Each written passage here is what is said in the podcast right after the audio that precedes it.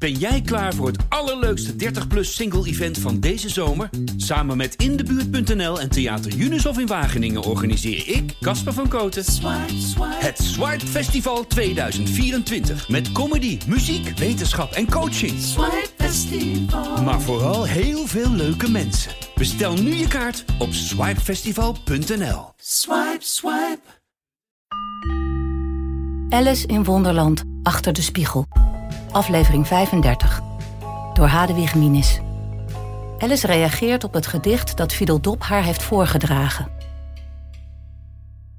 Ik vind de walrus het aardigst, zei Alice, want hem speet het nog een beetje van de oesters. Toch at hij er meer van dan de timmerman, zei Fiedeldop. Zie je, hij hield zijn zakdoek ervoor, zodat de timmerman niet kon tellen hoeveel hij er nam. Van geen kant. Dat was gemeen, zei Alice verontwaardigd. Dan vind ik de timmerman het aardigst, als hij er niet zoveel at als de walrus. Maar hij at er zoveel als hij krijgen kon, zei Fiedeldij. Dat was een breinbreker. Na een aarzeling begon Alice. Best, het waren allebei erg onaangename types. Hier hield ze enigszins geschrokken op bij het horen van iets dat haar deed denken aan het puffen van een grote stoomlocomotief in het bos vlak bij hen. Al leek het haar in haar bangheid aannemelijker dat het om een wild beest ging. Zijn hier eigenlijk leeuwen of tijgers in de buurt? vroeg ze angstig. Oh, dat is het gesnurk van de Rode Koning, zei Fiedeldop. Kom maar kijken, riepen de broers en ze namen Alice elk bij een hand en leidden haar omhoog naar waar de koning sliep. Mooi om te zien, hè, zei Fiedeldij. Dat kon Alice nou niet echt zeggen. Hij had een hoge rode nachtmuts op met een pompon en verfrommeld tot een soort van slordig hoopje lag hij daar en snurkte luid. Die snurkt zijn hoofd er nog af, zoals Fiedeldij opmerkte. Straks vat hij nog kou van dat liggen op het natte gras, zei Alice, die een heel zorgzame kleine meid was. Hij droomt nu, zei Fiedeldop. En waarover denk je dat hij droomt? Alice zei, dat kan niemand raden. Moet je horen, over jou, riep Fiedeldop uit, triomfantelijk in zijn handen klappend. En als hij ophield met over jou te dromen, waar denk je dat je dan zou zijn? Waar ik nu ben, natuurlijk, zei Alice. Jij niet, riposteerde Fiedeldop minachtend. Jij zou nergens zijn, ben je mal? Jij bent alleen maar een soortement van ding in zijn droom. Als die koning daar zo wakker werd, voegde Wiedeldij toe, zou jij uitgaan, plof, net als een kaars. Wel nee, riep Alice verontwaardigd uit.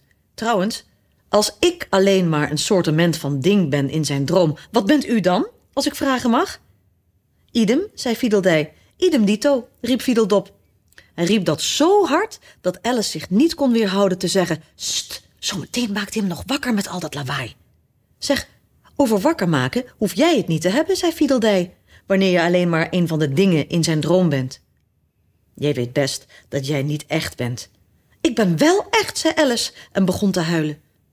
Van huilen word je heus niet echter, merkte Fiedeldop op. Er is niks om over te huilen. Als ik niet echt was, zei Alice, half lachend door haar tranen, het leek allemaal zo bespottelijk, zou ik niet kunnen huilen. Je denkt toch hopelijk niet dat dat echte tranen zijn, interrumpeerde Fiedeldij op uiterst verachtelijke toon. Ik weet dat ze onzin praten, dacht Alice bij zichzelf, en het is dwaas erom te huilen. Dus veegde ze haar tranen weg en vervolgde zo opgewekt als ze kon.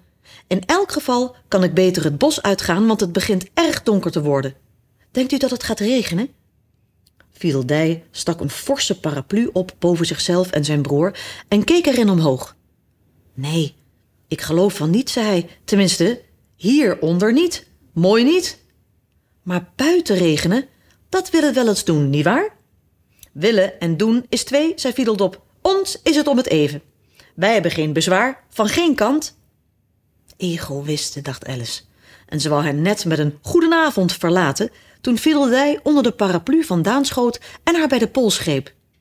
Zie je dat? zei hij met een stem verstikt van opwinding... en zijn ogen werden van het ene op het andere moment groot en jaloers... terwijl hij met een trillende vinger wees naar een klein wit voorwerp dat onder de boom lag. Het is maar een ratel, zei Alice, na een zorgvuldig onderzoek van het kleine witte voorwerp.